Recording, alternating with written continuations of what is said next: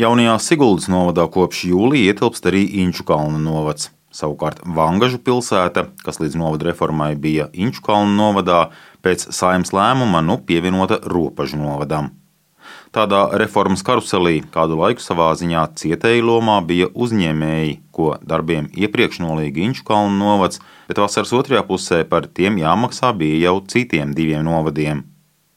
Siguldas novada pašvaldības izpildirektore Jeļena Zarandija, uzskaitot nu pat pabeigtos lielākos jaunā novada objektus, par maksāšanas problēmām sakās gan neko nezinām. Inčukalnā un robežas pārsvarā tie ir objekti, tas ir skolas, skolu remontdarbi, īpaši lielu objektu tādu milzīgu nav bijis. Varbūt kādas ielas tika remontētas, nu tādi nelieli. Pārsvarā tas ir skolas, bērndārza remonti, kultūras nama remonti, pašas administrācijas ēkas remonti. Nu, kā es atceros, kurus rēķinus es parakstīju. Te ir arī atnākusi ziņa no būvnieka, ka pagājušajā nedēļā ir apmaksāts.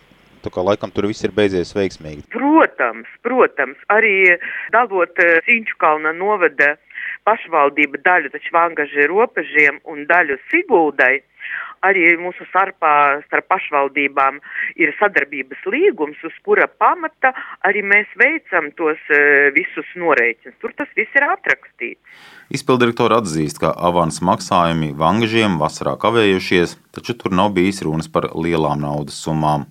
Jeļena Zarandija arī prognozē, ka vismaz līdz gada beigām, kad sāks strādāt jau ar jaunpieņemtiem jauno novadu budžetiem, problēmas vēl var atklāties. Tā ir ļoti liela reforma, kad apvienojas četras pašvaldības. Tik daudz darbinieku no vienotām pašvaldībām dalās. Tas ir sarežģīti. Sarežģīti visiem darbiniekiem. Viņiem ir dubultā slodze, visu pārbaudīt, un darbs ir divkāršojies. Es domāju, ka tas ir visās pašvaldībās sarežģītāks process.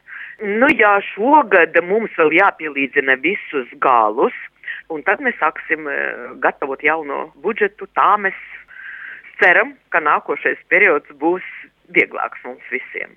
Latvijas Būvnieku asociācijas prezidents Normons Grinbergs nav dzirdējis par gadījumiem, kad pie varas nākusī jaunā novada politiskā vadība strauji pārskatītu prioritātes un pateiktu nē kādiem iesāktiem lieliem projektiem. Manā informācijā nav faktu vai gadījumu, kad reģionāla reforma ietekmētu kādu būvniecības procesu.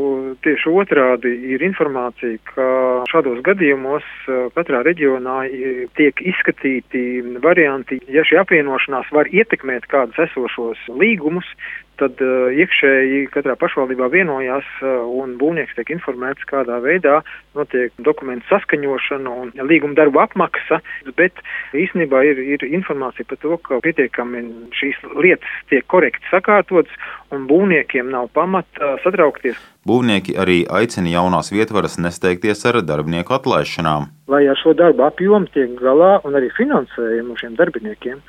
Jo, ja mums bija, piemēram, trīs būvvaldes kādā reģionā, un tagad apvienojās zem vienas pašvaldības, ir viena būvvalde, nu, tad šie darbi arī saplusojās kopā, viņi jau mazāk nepaliek. Un līdz ar to tas, kā būvnieks varētu skart, varētu skart, ja kādā pašvaldībā šiem jautājumiem nepietiekam profesionāli pieiet, un tad varētu, teiksim, kaut kādu procesu vienkārši iestrēgt, jo būvvaldes netiks ar šiem darbiem galā. Tā varētu būt tāda mūsu baža un aicinājums jaunās pašvaldības rūpīgi šos jautājumus izvērtēt. Arī pašvaldības savienības padomnieks Aino Salmiņš norāda, ka reģionālās reformas gaitā tās ieviesēju solīto ietaupījumu nebūs. Vēl vairāk, ja darbinieku algas un pabalsti iedzīvotājiem jāpielīdzina augstākajiem, bet tarifi jāsamazina līdz zemākajiem, sanāk papildu izdevumi un robi budžetos. Jaunās domas arī gribot sākt jaunus projektus.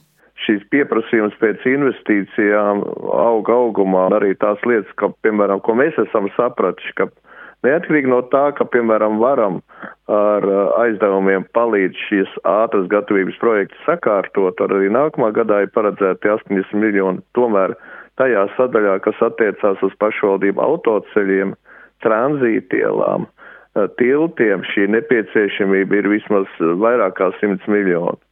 Un šādi projekti ir arī saistībā ar ūdens saimniecības nerealizētiem projektiem, un gandrīz katrā nozarē ir problēmas, kurā šī prasība un vajadzības pieaug. Iespējams, ar iesākto projektu pārņemšanu šajā reformā gājis vieglāk, jo atbildīgā ministrija vēl krietni pirms tās lika jaunveidojamo novadu mēriem kopīgi lemt, kam naudu tērēt. Un drīzumā pašvaldības naudu noteikti prasīs būtiski vairāk, kaut vai tāpēc, ka valsts kontrolas revidenti nāks klajā ar ziņojumu, ka lielā daļā pašvaldību steidzami jāsakārto bīstamā stāvoklī novesti desmitiem tiltu. Edgars Kupčs, Latvijas radio.